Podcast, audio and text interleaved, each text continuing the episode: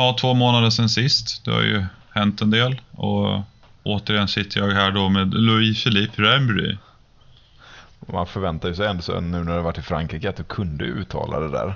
Louis-Philippe Rembry.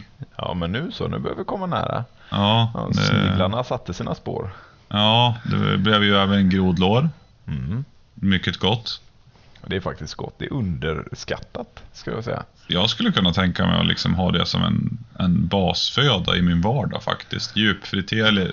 De var ju typ frit, inte friterade men stekta i väldigt mycket smör och vitlök. Ja, det är liksom en röd tråd genom många av de här grejerna om du inte har märkt det än. Liksom sniglar, mängder med vitlök, grodlår, mängder med vitlök.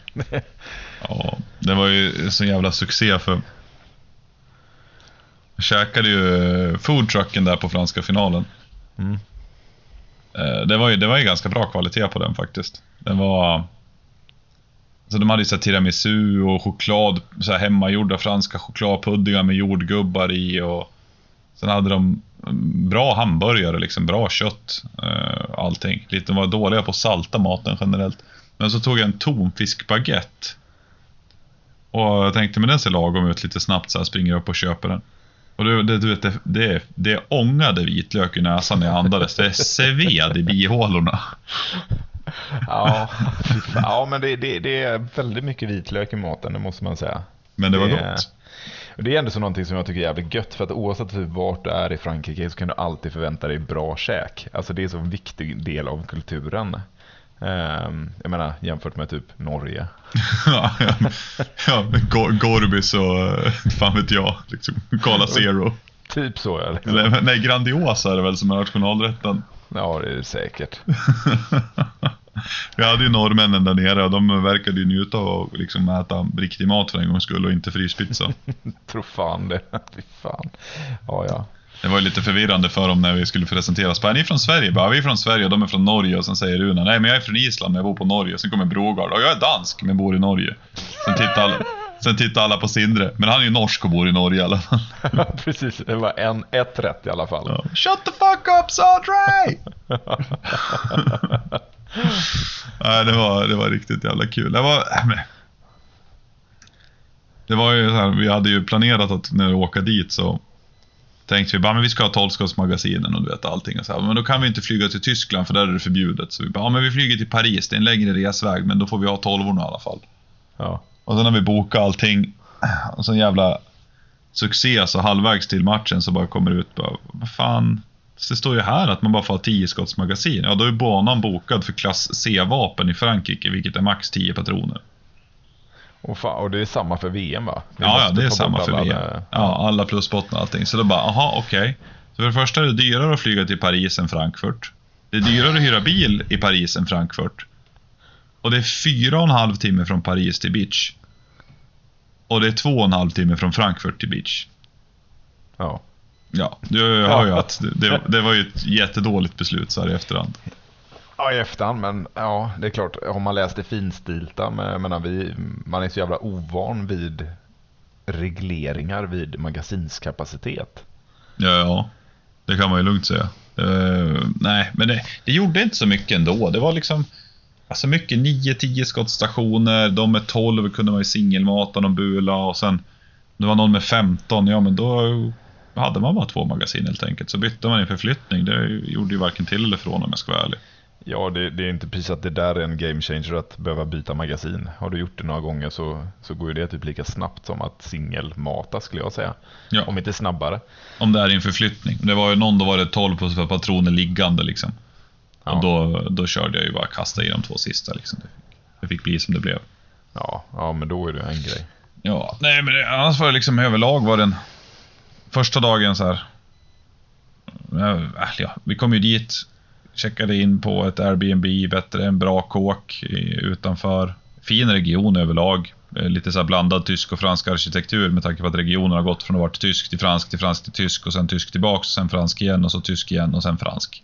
Åh fan, det är Alltså- ganska fräck historia där borta. Ja, det har varit... eh, Det går ju liksom i hela den här, vad heter det, Maginot-linjen. Går ju Mm. igenom eh, skjutfältet vi skjuter på. Det ligger ju en av Maginot-linjens bunkrar, ligger ju mitt i fältet. Åh fan. Det är lite historia i regionen. De har ett jättestort fort där i Bitche som är med underjordiska tunnlar som är, man har haft sen, det finns dokumenterat eh, att som ett stort fort sen typ 11-1200-talet. Så att det har ju Åh fan. Det- fan. Det känns som att man får göra lite krigshistoria, nörderi, Oh ja. påläsning och eh, turer när vi åker dit. Oh ja. Sen på vägen hem då var vi ju förbi Verdun och det var den sjukaste upplevelsen. När man åkte igenom skogen så fanns det inte planmark någonstans. Det var bara skyttegravar. Ja. I, alltså, det tog aldrig slut. Det var bara skyttegravar. Det är Så- sjukt. Man kan inte ens föreställa sig det liksom. Nej men alltså det var liksom grav, kulle, grav, kulle, grav, kulle och så bara fortsatte det sådär hela tiden. Och eh, det var, det var, det var en bisarr upplevelse att se alla korsen och så inne på katedralen och mycket sk- skelett och grejer. Det var, ja, det var lite Ja, bisarrt. fan, det, är, hur många det är nästan en miljon kors där, eller vad är det? Är det inte någon så här det var sju, 700 000 döda och skadade Ja, det är helt sinnessjukt. på eh, 300 dagar. Mm. Den, var, nej, den var sjuk. Men eh, det var en intressant upplevelse.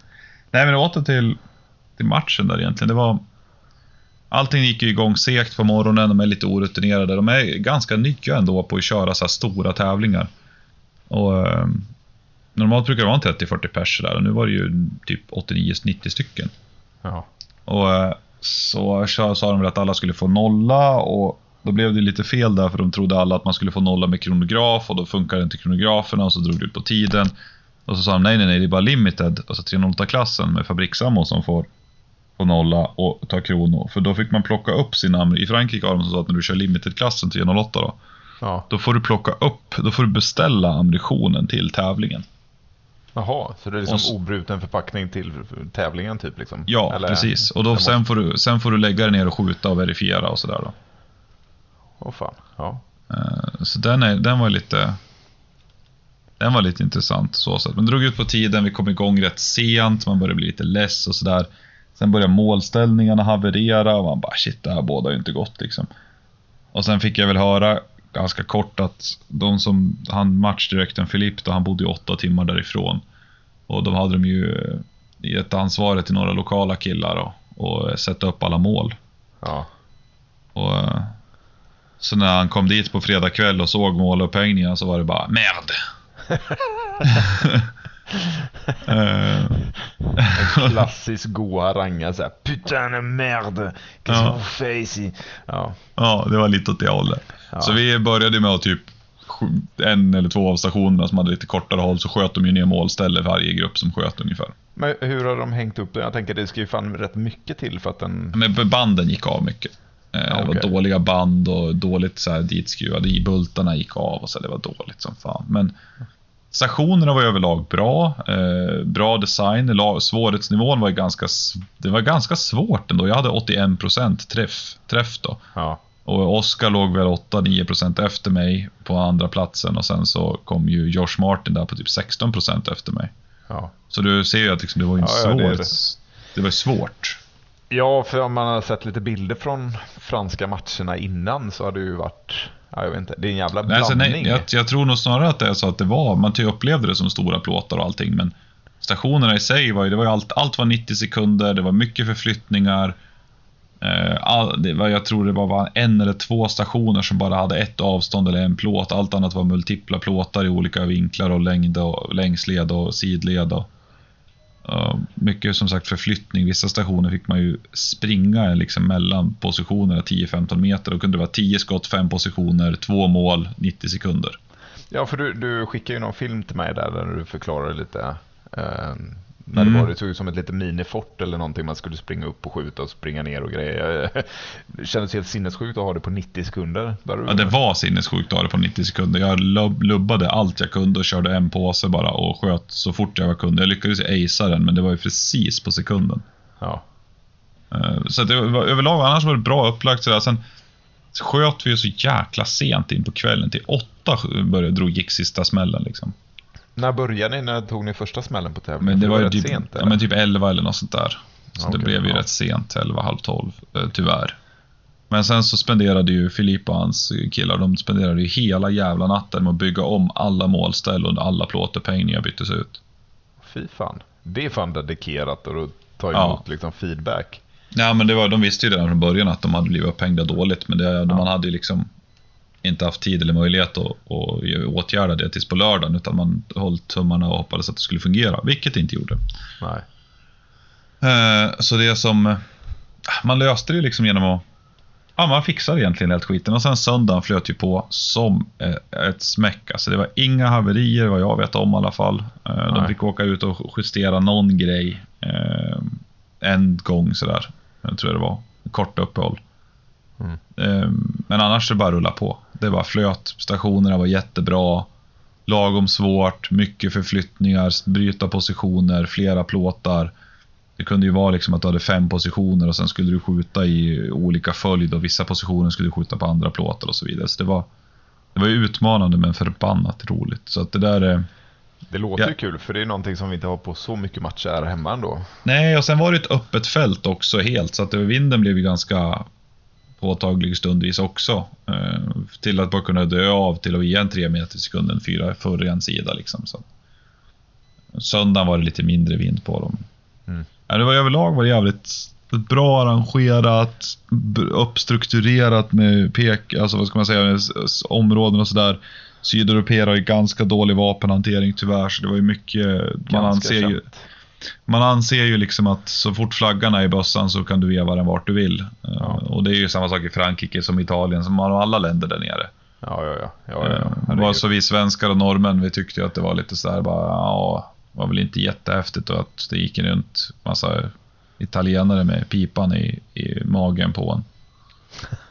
Men Nej, eh, det, till slut så var det ju bara liksom att vi påpekade det och så blev det ju bättre lite grann då. Men man har ju lite att jobba på där nere ja, det kan jag tänka mig. Det, oftast är det ju så om man har varit där nere eller jagat eller något liknande. Säkerheten och vapenhantering brukar ju oftast vara ganska bristfällande om man är skandinavier Ja, man tycker att, liksom att nivån är rätt låg. Men det var, alltså överlag var det bra. Det var extremt fördelaktigt. Jag hade med mig min tripod som jag använde på några stationer. Då, men mycket använde jag en, en pump pillow från, som jag lånade av Sindre. En Weebad som var trevlig. Jag kommer inte ihåg vad den hette. Ja, Och sen körde jag ju drängersäcken som frontsäck. Eh, Ja. Utan grippin då. Det var den som jag fick uppsydd. ja, Jävlar, den, den var ju riktigt god alltså. Eh, Men tripoden användes mestadels till, jag, jag spottade mycket med, med kikaren och det var inte så mycket för att se hur folk sköt eller på plåtarna utan det var för att se när de bommade åt vilket håll vinden gick. ja, ja men precis. Ja, det är klart, är det ett helt öppet fält så blir det jävligt svårt att se om du inte har någon liksom, vegetation eller någonting Det var ju som, på. det var ju som trän i, i, i sidorna då liksom som man kunde titta på men ja, det tar ju bara en så långt. Eh, Men Ja. det, det, det underlättade en del och det var, det var någonting som alla gjorde där nere. Det var enormt mycket optik för att observera liksom nedslag och, och träd och grejer så att den, den kände jag var ganska nyttig. Ja, Speciellt på de längre, inte de korta hållen såklart, men när det var lite längre, inte så mycket referenspunkter, då hjälpte det en del. Miraget var ju också påtagligt kan jag säga. Det där kommer vara ett problem under VM. Det kommer miragea fruktansvärt där nere. Alltså augusti i Frankrike, alltså jag menar det, det kan ju vara extremt varmt. Jag vet när jag har varit nere hos mina släktingar och sådär, alltså det kan ju vara 40-45 i Paris. Eh, så att, eh, ja, det kommer bli intressant. Det ligger dock rätt högt upp det här. eh, Så man kan ju hoppas att det liksom... Jo, men säg att Men, du eh, får 30-35 så är det fortfarande rätt så påtagligt. Det blir... eh, Stapelfödan blir ju typ chips och Resorb Ja, i pulverform och sen skölja ner det med, med Powerade. fy fan, jag kommer sitta och käka bara en massa salta ostar och grejer där nere. Ja, gud. Det var ju... Nej, Men det var maxavståndet det? 1200. 1200, ja. Mm, det vi gick ju inget vidare där. Det var, det var inte många som... Det var, den här blinkenheten hade gått sönder och spotterserna på 1200 var lite... De var inte så bra på att se nedslag av 6 och 6,5. Eh, Även en sten och lottor på 1200 när det mirageade på så det var liksom... äh, Det var ju dött. Det var typ två Ja. tredjedelar av tävlingen fick ingen träff på den stationen. Och de strök fan. en annan som var liknande då. Men Eh, strök de 1200 också eller? Nej, nej, den Nej. räknade de med. Ja. Ja. Det är klart, har du inga blinkenheter på det och så en 6 mm liksom och lite mirage, det är ju typ omöjligt att se. Ja, nej, jag fick bara en på den. Eh, Så att det var ju, den drogs ju ner en del. Men eh, vad fan, det var ju bara kriga igen på resten. Det gick ju bra till slut. Ja, herregud, du, du har ju presterat sjukt bra den här helgen. Eh, om man tittar procentmässigt mot tvåan, trean. Även om de har gjort en bra prestation så du ledde ju hela tävlingen.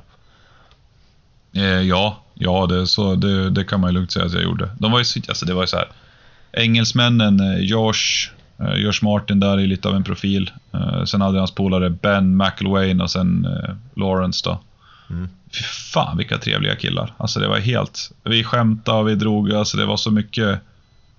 Så mycket icke nämnbara skämt så man kan inte, det går inte att säga i offentliga rummet så här. Eh, Men det var hysteriskt kul. Du kan ju tänka dig att eh, Josh hade varit, eh, varit på Royal, Royal Engineers i eh, Irak som minröjare. Ja. Han hade ju rätt skön humor om man säger så. Imponerad att de ens tog emot engelsmän. Det, Ja. finns ju en viss fade. Ja, jo. Det, nej, men alltså, det var fransmännen var trevliga som fan. Alltså sista stationen som jag sköt, alltså de var överlag. Erona var fantastiskt trevliga, liksom, alla var glada. Ja. Det, det var inte många som, alltså inte ens hälften kunde ju engelska. Men det, de hade ju ofta då två. Någon som fick översätta liksom. Fy fan. Men eh, sista stationen där, eh, station 14 som var den, min sista då. Då eh, var en sån jävla, en riktigt, han hade åkt 80 mil enkel resa bara för att roa. Eh, och pratade, du vet, han, han var så här glad, lite så här, eh, hårfästet var lite högt, så här, lite solbränd sydfransos. Och så stod han där bara med du vet, ciggen i handen lite så här försiktigt och bara Welcome to uh, stage 14, uh, we have uh, target one at uh, 350 meters. Uh, bara dra lite grann på ciggen. Bara, and you have target two, to 370 meter over there. Och bara, mm, bara, bara dra lite mer på ciggen, bara glider fram. Han, var, du vet, han var bara så här skitglad, stod och rökte, bara det här är having his time of his life. Bara, man bara, fan vad gött det där ser ut liksom. Fy fan. De har livskvalitet de jävlarna. Nej Alltså. fan vad jag ser fram emot att åka ner dit till VM alltså. Ja, men alltså det var så här food trucken som sagt. Man bara, de bara stod där och kunde man gå upp och bara, ursäkta, jag vill ha en, en tiramisu med och en dubbel espresso liksom. Bara, ja. Kostade typ ingenting. Så Nej, alltså vi fan åt, ju, vi åt ju som kungar under tävlingen. Så det var, ja vilken dröm det var. Ja, Det, det var, nej det var ju succé. Succé hela vägen. det var fan ingen liten pokal heller. Nej, den fick norrmännen ta i bilen på vägen hem. Jag tänkte det fan det blev svårt att bara få med sig den på flyget. Ja, nej, och den och hylsor ammunition fick de ta. Det här var också Ja. en kul historia, för fan. Alltså jag... Jocke, om du lyssnar på det här, du har fortfarande en pungsmäll som du ska få så småningom. Alltså. På flyget på vägen hem så blev det lite strul med ammunition och jag hade skickat med mig allting. För jag åker till USA och tävlar här. Jag Ja. flyger imorgon. Eh, Det kan vi gå in på sen. Men... eh, Ja, de blir ju kvar och jag bara, men jag går in och tar en bärs liksom, går igenom securityn och så ses vi där inne och Jocke bara, mm, om vi ses liksom. Ja, sen går det typ 30-40 minuter och så här, jag pratar med dig där i telefon. Jag bara, Ja, de har precis. fortfarande inte kommit liksom. Det börjar så här, närma sig, det börjar närma sig check, liksom närma sig boarding. Och sen ringer han. Ja, ja, du behöver inte vänta på oss i alla fall. Bara, Vadå då? Nej, alltså det blev sånt jävla strul med Oscars ammunition. Eh, Jag hade ju tur att jag lyckades kjola in mitt i, Johans eh, låsta pelli där. Eh, men eh, så började han dra på liksom hur det hade varit sådana problem med Oscar och, och att eh, till slut så hade de kommit dit med någon, eh, med någon polis och sen en, en, beväp, en karbinbeväpnad fransos då, som inte var allt annat än snäll och hade kastat på Oscar hand, handfängslen liksom och skulle iväg på den lokala stationen och det var förhör och du vet. Och, så jag bara, men vi väntar på Oscar här. vi kan ju fan inte lämna på, i, i Frankrike, det här går ju inte liksom. Nej. Och han var, alltså du vet mängden övertygelse i hans röst, alltså jag höll ju på att få panik. Jag bara, vad fan har de satt bojor på Oscar? Det är inte sant liksom. Och du vet, jag bara, ja, det, är helt jävla absurt liksom. Och så, han spänner ju bara på och det är fortfarande trovärdigt. Det är det som är det jävliga, för de var så struliga. Ja. Och jag bara, nej men okej, nu är det boarding alltså. Jag, ja, ja, ja, men vi, vi, vi ses väl, lycka till, vi ses hemma sen liksom.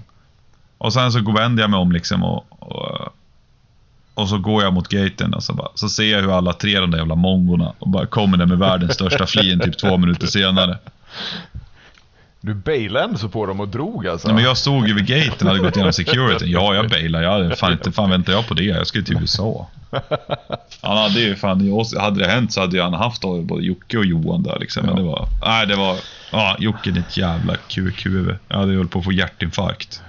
God stressnivå där liksom. Knappt Där kan nå. börja se liksom en jävla Alltså. tullgubbe som inte pratar engelska och Järvi som försvinner i handfängsel. Liksom. Ja, En precis. jävla, en jävla shaky kille med liksom automatkarbin som står där liksom. Ja, Ja, det, det, det hade kunnat hänt. ja alltså jag, jag ser det inte som omöjligt för fem öre liksom. Det är absolut inte. Jag fick ju ringa SAS flera gånger och bara, får man, får man resa med ammunition i resväskan? Man bara, ja, den ska vara separat, separat från vapnet. Den får inte resa med vapnet. Ja, men i resväskan? Ja, jo, SAS bara, ja, jo, bara den ligger i ammunitionslådan. Liksom. Ja, men de har en plastlåda. Ja, jo, men det är okej. Men det ska inte vara en till resväska i resväskan? Bara, nej, så, nej, nej, så ska det inte vara. Och så SAS bara verifiera ju allt vi hade sagt. Ändå Ja. tog det typ en timme för dem att bara godkänna det. Ja, det känns som... Alltså det... Ja, jag vet inte. Jag, jag ser inte fram eller jag, jag eh, försöker undvika att flyga med vapen i största möjliga mån. Det går jag. alltid bra att flyga ut från Sverige med ammunitionen, men hem, jag vet när jag var på Irland, också ett problem. Då får man nästan Eh. bara skjuta slut allt och buda hem.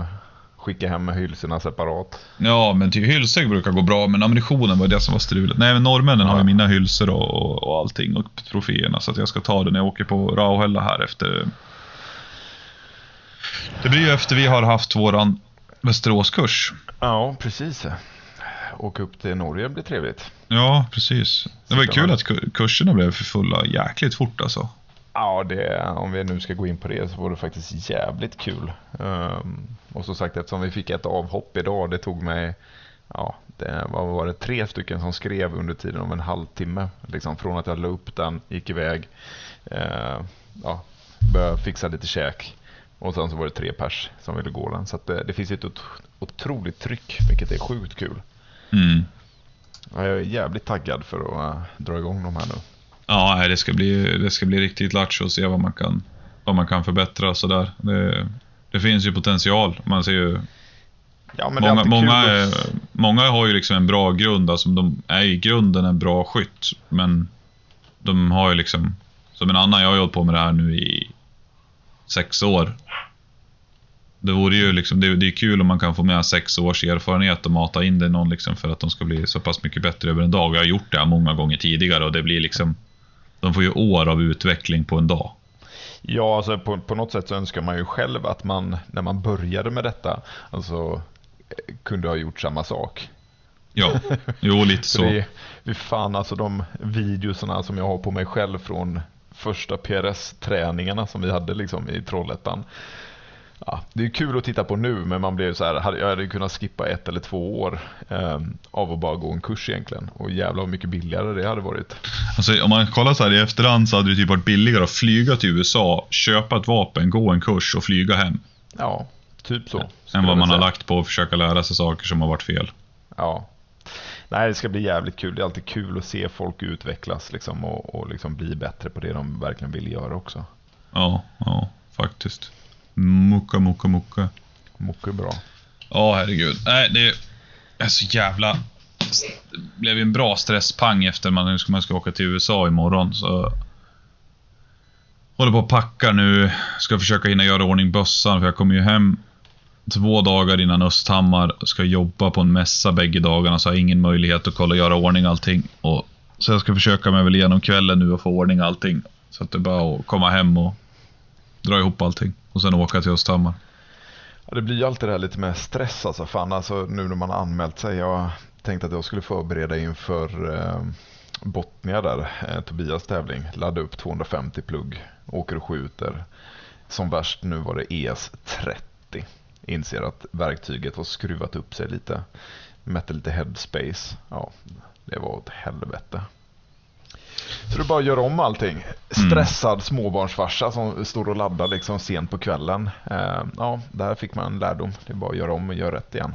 Ja. Jag var ju och provade idag lite grann med... Jag kastar ju krutet nästan alltid nu för tiden med en sån här Redding 3BL krutkastare. Det är inte ens elektroniskt. Nej. Så tänkte jag, jag var- sköt lite grann idag, inte riktigt nöjd med grupperna, men det funkar ju liksom. Och så, eller ja, det funkar ju knappt. Det är därför jag ska åka dit imorgon bitti och, och justera lite grann. Eh, Jag hoppas på lite bättre, eller ja. Den sköt lika bra nu som den gjorde i Frankrike. Den skjuter Ja. liksom 15-20 milli. Ja, Eh, och det gjorde den i Frankrike också. Bevisligen räcker ju det rätt bra ja med tanke på att herregud. mitt SD idag, de första tre skotten jag sköt som var kastade med, med krutkastaren var 838, 838, 838. Och det var med... Och sen kastade jag i en som var laddad för Frankrike och inte för Östhammar. Gjorde den 840. Ja. Så att Ja. så det räcker ju så jävla långt. Ja, herregud. Jag tycker att för många jagar de här supertajta liksom och ES som är liksom minimalt. Liksom. Alltså du, du kommer jävligt långt alltså om du tittar på liksom SD istället och liksom en hyfsad grupp. Ja, gud. Alltså som sagt, när vi la oss på morgonen och skulle skjuta in i Frankrike. Så man vill, vill ju kolla liksom så att franska liksom, de har ju kastat det så min resväska sprack ju på vägen hem liksom. Oj. Ja, det, det är en sån här knak, den har en stor spricka i som vi fick tejpa ihop nu inför USA. Men då tänker man, man vill ju kolla liksom. Så jag la mig ner, jag sköt. Ja, första skottet tog väl där det skulle, så tyckte jag. Sen så flyttade jag ut det lite grann och sköt en grupp där det var lite mer öppet.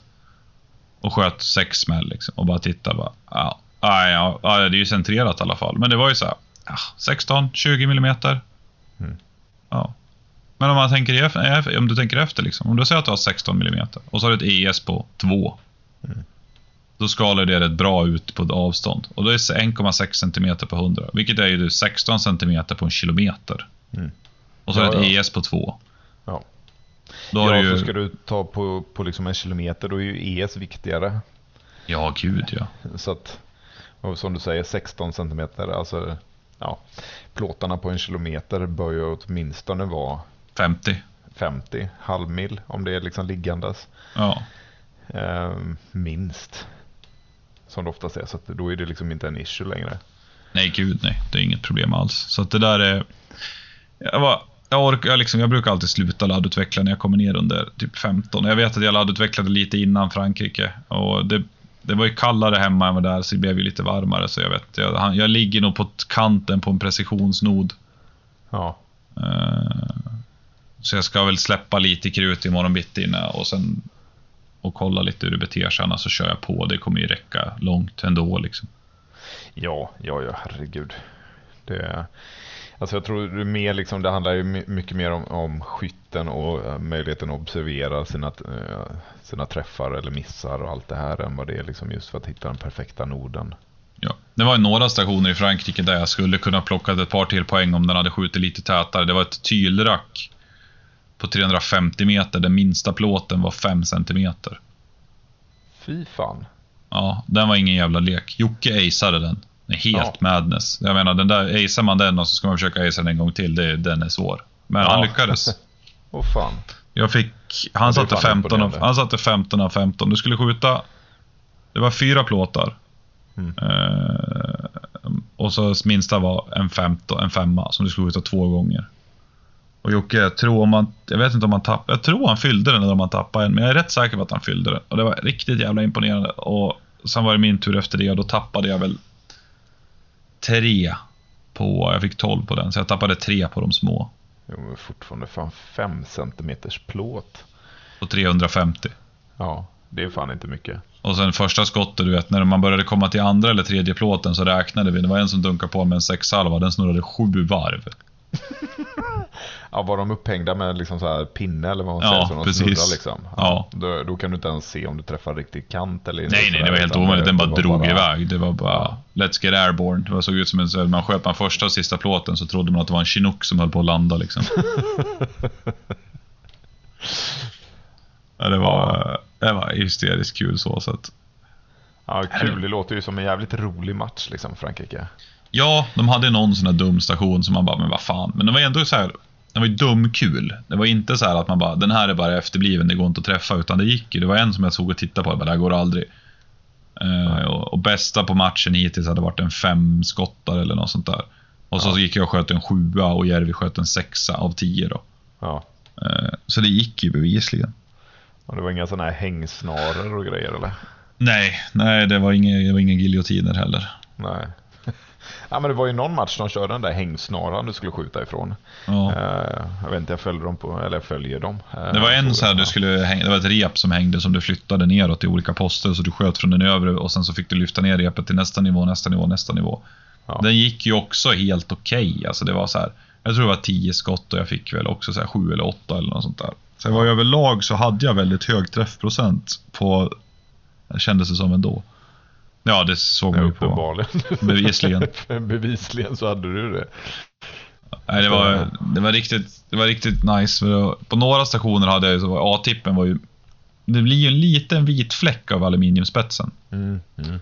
Och några gånger så, så hade man liksom, när det var svårt att se på vart det tog på plåten, så kunde man se att jo men där var den, där var den som var ljusare liksom. Ja. Det var ju min. Och då kunde man göra en justering. Det är en fördel. Ja, jo, det, det måste jag väl säga att det är. Man Och kan sen- se det i alla fall. Och sen var det ju skönt med Zeron också. Fy fan vilken skärpa. Är, Ja, alltså den har ju eh, gått från klarhet till klarhet. Om man nu ska vara Göteborgsvitsig på det här. Eh, svin, ja, svinkul. den- Ja, precis. Den har man inte ångrat att man investerar i i alla fall. Så kan jag ju säga än så länge på tävlingar. Nej, nej, den är... Ja, den var god. Jag fick mycket frågor av fransmännen efteråt om påsar och varför jag inte körde så och varför jag inte gjorde det. Jag bara, men det är... One bag, baby. The De dränger har, bag. miss, de har missat liksom hela Men de ligger några år bakom där också. Sen var det någon som undrade varför jag inte kastade runt med förstoringsvrede medan jag sköt. Och så jag bara, nej, men jag skjuter ju på 15 om det är ställning. Liksom. Då behöver man inte förstona upp och ner. Nej. Och att inte, liksom, jag tror de är... De kommer så Men det- småningom de också. Det är som du säger, de är ju några år bakom och det ser man ju liksom när man tittar på bilder eller liksom filmer från deras matcher också. På saker de använder. Ja, alltså det var ju vissa som kom, då hade de på en station, då kom de med en sån här eh, förstocksmonterad sån här Saracen bag med fyra, så här, Mm. typ en tactical other liksom. Mm. Och så hade de en världens största Ulf Hednar Puffy och tripod. Det, det är så mycket prylar som man vet inte ens hur man ska hinna med Ja, allting. så var det liksom fem stationer, eller fem positioner på 90 sekunder och de försökte slakta runt på det där och man bara, ja herregud. Det är klart, eh, på det sättet så har de ändå så gjort så att de utrotar de sakerna själva. För hade de haft 120, ja men då kan du latcha runt lite med det där. Sätter du 90, det, då kommer du inse ganska snabbt att jag kan inte, jag får välja liksom. Ja. Nej, man fick ju börja med tripoden utfälld, så det, därför så Jaha. körde jag faktiskt den på några stationer. Eh, som jag, då tyckte jag att det var värt att ha den. Ja, så det är absolut inget dåligt. Men det var ofta så körde jag faktiskt utan den och då körde jag med den här uh, puffin som Sindre hade. Ja. Vilken var det då? Vad sa du? Nej men det var typ en, det var en, nej, en Weebad uh, Ja, Weebad, ja. puffy som hade typ som var som en rektangel som hade tre höjder. Jaha. Den var, den var riktigt schysst. Ja. Så den, den körde jag mycket med där. Men det var lite lattjo när det var en station där det var så här bara weak shoulder och så bara, ja, Sindre är blind på ena ögat. ja. Så han har ju en sån här liten emaljöga, du vet, som man en liten så här kopp som man sätter in då. Inte Ja, hela precis. ögat. Och så, att, och så var det ett, ehm, ett hårkors liksom. så, bara, så var det så här eh, weak shoulder och så Sindre bara, ja men det är något grejt med weak shoulder då. Så bara visade petade han på ögat liksom och bara gick. Så bara, men han made it happen. Han satte bägge två. Han vred, jag trodde han vred av sig själv nacken och sköt med rätt öga från fel axel. ja och fy fan, han löste det alltså. Ja, så han drog bort kindstödet på um, ACCn och sen körde han ner skallen hela vägen. Och, ja, han löste det. Det satt. Oh, shit, ja, det är fan starkt att göra det.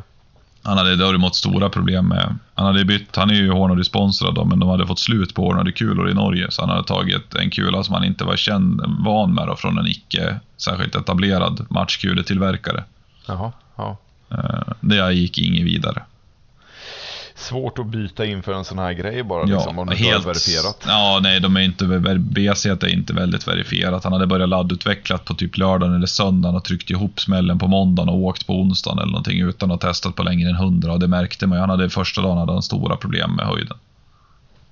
Fan, det är ändå så rätt djärvt. För jag menar, det, det, det är ett par kronor du lägger ner på att liksom dra till Frankrike, gå på tävling, bo där och så på liksom kulor. Jag vill, inte, då- jag, vill inte, jag vill inte prata om den ekonomiska aspekten i det här. Nej, men alltså, ja, ja, jag hade nog inte gjort så i alla fall. Det är min Nej. personliga åsikt. Nej, den var lite, den var lite svettig. Men de var, de var Ja. goa, norrmännen. Det var, de var trevligt ändå överlag. Det är Glatt alltid gäng. trevligt. Jag ser fram emot att åka upp dit till den där Rauhella eller vad, vad det heter. Det ska bli jävligt trevligt nu. Du, vi med- slaktar nog det namnet lika mycket som jag slaktar franskan. Högst troligen, men vad fan. Ja, ja. Jag, Alla fattar eh, vad det är. Jag höll ju på att bli vansinnig där nere. Det var inte en fransman som jag bara eh, “Excuse me, salt?” De bara “Salt?” Jag bara “Salt?” De bara? S- ja, “Salt? Pepper?” bara, Och så gjorde jag så här små märken, Ja. så här, visade att jag skulle försöka krydda köttet. De bara ah, “Pepper? Mm, mm. så bara, “Salt? Huh?” Jag bara “Är det inte sant?” Sen tog jag upp telefonen. Då hette det typ Cell eller Ja, någonting. precis. Det är så jävla typiskt franskt alltså. För man är så här, du, du är inte efterbliven. Du fattar ju om någon gör en, liksom, en gest som är så här peppar och så någonting som låter som salt. Ja, Alltså, nej, men det är så nej. jävla franskt för de är så här, nej, nej, jag, jag, jag fattar faktiskt inte det här liksom. Nej, var helt... Jag höll ju på att tappa förståndet ett par gånger där. Alltså, det var Ja, hysteriskt kul. Men jag, ja. Så slaktade man ju där några gånger. Alltså, det var, man, som sagt, man slaktade språket. ja men de, de, får, de får leva med det. Ja. Ja, däremot, jag hittade ju en helt ny kärlek när det kommer till eh, frukostmacka i alla fall. Alltså, Ja, nygräddad baguette. Eh, fikonmarmelad. En obscen mängd brieost. Och en obscen mängd salami. Mm. Gick hur, ihop det. Hur, hur kan det vara en ny kärlek till dig? Jag har aldrig ätit det. Ja, ja, du bor i Västerås eller utanför Västerås. så Jag, jag ger dig den. Ja, ja. Min Du kan släkt förstå kommer... Min, vi kommer äta. Ja, jag säger det. Ja, precis. Vi kommer från en bruksort och resten av släkten kommer från en håla i Jämtland. Liksom. Vi är inte så här kulinariskt beresta. Med den mustaschen så förväntar man sig mer, så kan jag säga. Ja, alltså jag ser ju världsvan ut. Det är väl det som är det jävliga. Ja, men ja, skenet bedrar. Det var ju bara att gå runt där nere och bara ha ha ha.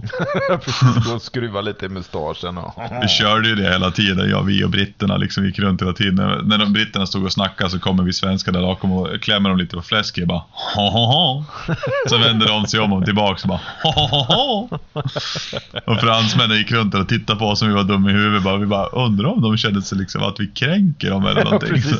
De förstår inte alls bara, vad, vad, vad är det de menar liksom. Sen kom det en fransman sen och bara Ursäkta, ursäkta, låter vi sådär när vi pratar för er utlänningar? Jag bara, nej alltså vi överdriver ju ganska mycket men alltså, det är inte långt ifrån. Nej. Nej, det är fan inte långt ifrån. Det var hysteriskt kul alltså. Det var, nej, Ja, det förstår jag. Fransmän. Men det var så, det var Ja. ingen kunde alltså det var, engelska var så otroligt ovanligt att kunna. Ja, nej men det, de, alltså för, för äldre, de pluggar ju inte det i skolan. Alltså som min kusin, han, alltså vi är jämngamla, han fick ju gå engelska på sidan av skolan. För antingen så eh, pluggar du då liksom eh, spanska, italienska eh, eller tyska. Ja, Och många väljer ju typ att plugga italienska. För det är typ Ja. som att vi skulle gå liksom, på norska. Liksom. ja, Det är så här, "Ja, ja, ge mig det betyget liksom. Hur svårt kan det vara? Det är liksom, gå upp i falsett så får jag liksom eh, MVG liksom. började vifta lite med händerna och knyta ihop dem. bara. Nej men typ så liksom. Så bara, ja, check på den. Det var klart Ja, liksom. taget, taget. Ja, engelska, vem fan ska det? Allt är ju dubbat där liksom. Tv-spel, filmer, bio. eh, Mm. Allt är ju dubbat. Så det är så här, engelska, jag behöver inte det. Nej, jag märkte jag var på, i Beach, då var det i alla fall, det var mycket av, eh, många av menyerna på restaurangerna fanns det en engelska på i alla fall. Eh, Ja. Inte alla. Eh, men eh, sen när vi var på vägen hem stannade vi där i Verdun och så var vi inne och där var det verkligen, ingen förstod engelska, kastade fram en meny på rent på franska. Jag bara shit, så drog man upp den här Google Translate där man kan fota och så översätter Ja. appen och så står det menyn. Det var ju enda sättet vi lyckades beställa mat på ungefär. Man bara, hmm, okej. eh, ja, entrecote. Jo, men det förstår man ju vad det är liksom. Ja, Sen bara, de, så beställde vi, ja men vi tar fyra entrecote liksom, det blir skitbra. Så kommer de ut bara, eh, tre entrecote? Och man bara, eller deux, eller vad fan det heter.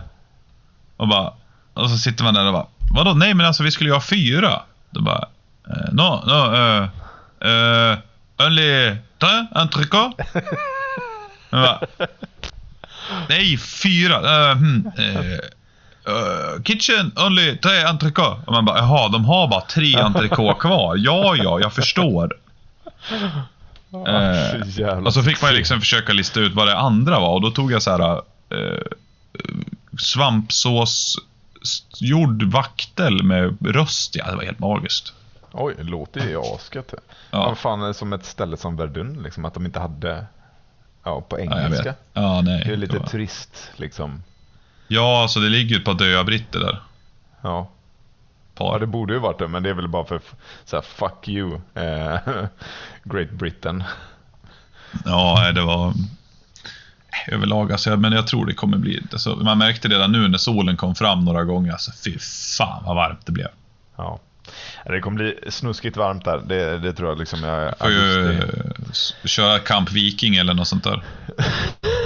Ställa upp ett här, tält och någon så här bebispool eller någonting och alla kan ligga och plaska i. Och... Du, det är faktiskt ingen dum idé att vi ska ha ett sånt MC-tält i bilen kanske.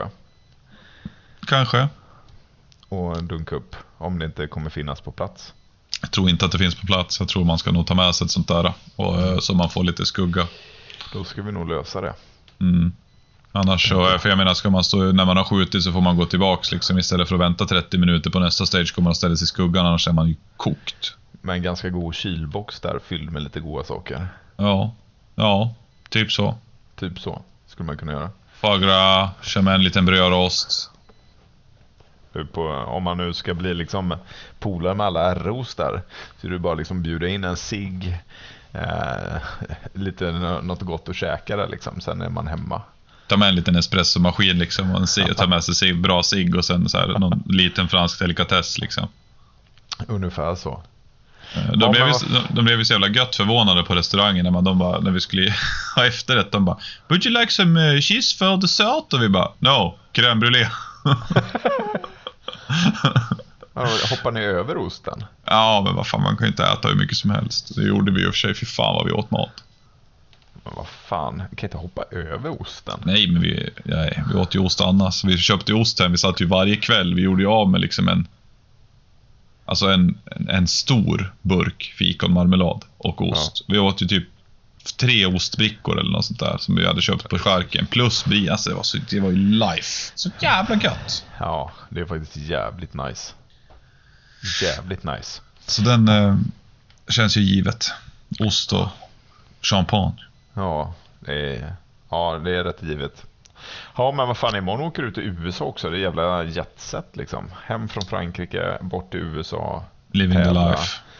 Ja, det är inte bara tävla, men eh, du ska tävla. Ja, det blir ju King of Cold Canyon i New Mexico. Eh, Jag lånar ju Hawkins bössa där, jag orkar inte flyga men man sparar för det första en del pengar på att kunna hyra en bil så man inte behöver kunna kasta in en pell i. Ja, Och sen kostnaden att flyga och sen inte ha huvudvärken av att man har en bössa för, som är värd mer än, eh, tänkte säga huset. I, Ja. I bilen i tre veckor när man åker typ genom Arkansas eller någonting och bara ah, nej men eh, jag ska gå på en tur här i skogen i, över dagen och bara lämna bössan i bilen. Bara, nej, nej, inte riktigt. Och inte jättesugen på att stoppa ner den i en eh, Eberstocker och vandra med kanske. Nej, kanske Inte inte lagligt jätte- alla gånger heller. Det är det som är grejen. Ja, just det. Det kanske inte är helt lagligt heller. Och jag menar, du kan ju typ få en kontroll C, kontroll V eh, bössa hos Hawkins gissar jag på. Eh, ja, det är en Zero 420 och en annan Foundation, men det är fortfarande Impact, eh, BR, det är allting. Ja. Det, det ska inte vara det som avgör. Nej, nej, det ska det inte vara. Eh, men det känns som att det är... eh, Det känns som att det är... Det känns som att det är lugnt ändå. Han hade skickat, han skickade en bild. Hans, han hade laddutvecklat till den pipan. Ja. Eh, och så skickade han över. Hans ES var 3,5 feet per second eller något sånt där. På ett Ja, typ typ 10, ES1 10 liksom. skott. Ja, ES1 på 10 skott. Och jag bara... Han bara, men den skjuter bara halv MOA. Jag bara, eh, Ja, det gör typ min bössa på en bra dag. Ja. Jag tar den. Ja, ta, tack, tack, tack. Ja. Eh, det räcker gott och väl. Liksom bevisligen. Ja, fy fan vad gott slippa ta med bössa, att slippa ammunition, allt det här Ja, när man reser allting, så liksom. Det är bara att tacka och ta emot den, Ja. låna den. Ja, det blir ju typ, vi är där i typ så här 22 dagar eller någonting. Så det blir en god resa alltså. Ja, det lär ju bli jävligt gött. Det börjar bli lite varmt där borta också, så får man liksom lite den här sommarkänslan. 28 grader var det skulle det bli i Nashville i helgen. Fan, uteservering, Nashville, lite country. Tänk liksom någon jävla Kör ribs. lite, ja, Kör, kör någon Nashville hot chicken, dra in en bash, bara sitter där och lyssnar på musik. Ja, livet Ja. kan ju vara sämre. Det kan ju vara det. Nej, det ska Det bli kan. schysst. Det blir väl Ja. eh, Louisville, Kentucky, North Carolina, där inne mot Smoky Mountains, Nashville, Arkansas, Oklahoma. Tänkte ska jag svänga förbi Foundation, John Kyle där.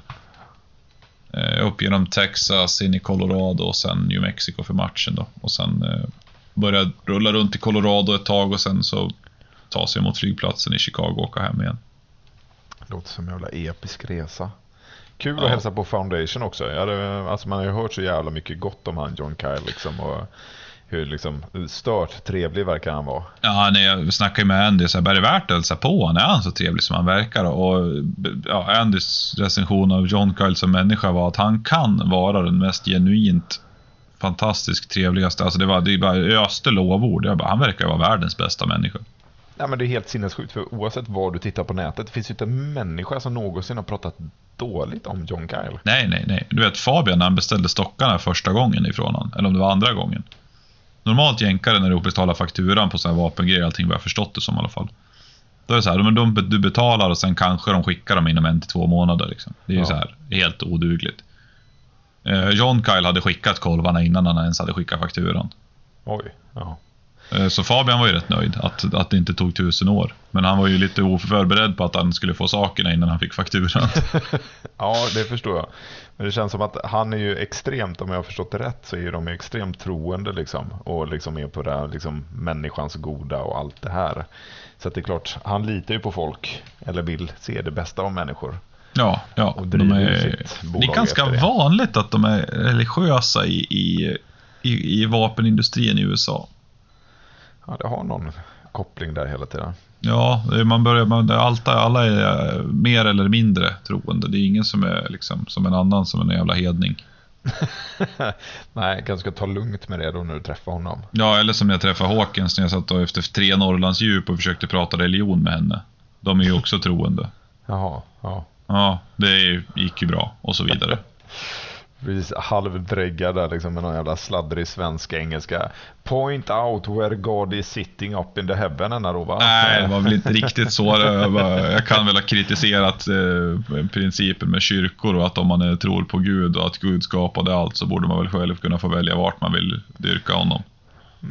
Ja, Det är ju inte, helt, det är inte en helt orimlig tanke liksom. det är inte helt orimligt. Eh, Men jag känner att vi ska sväva bort från det här ämnet annars ska- så kommer det här bli liksom en halvtimme om liksom ateistiska liksom, argument. Ja, lite så är det väl. Nej, det var, det var kul i alla fall. Nej, du, eh, vi tar fan och bryter där. Jag måste fortsätta Ja. packa innan eh, tiden rinner iväg. Det börjar bli sent. Ja, Så en, kör vi en recap på, på USA när jag kommer hem. Ja, det gör vi. Så uh, ha det gött. Du, jag ska packa också in i försvaret imorgon så att eh, jag måste packa i ordning alla mina bags. Leve konungen! Leverkonungarna, det är för fan det enda som kommer vara leverkonungen.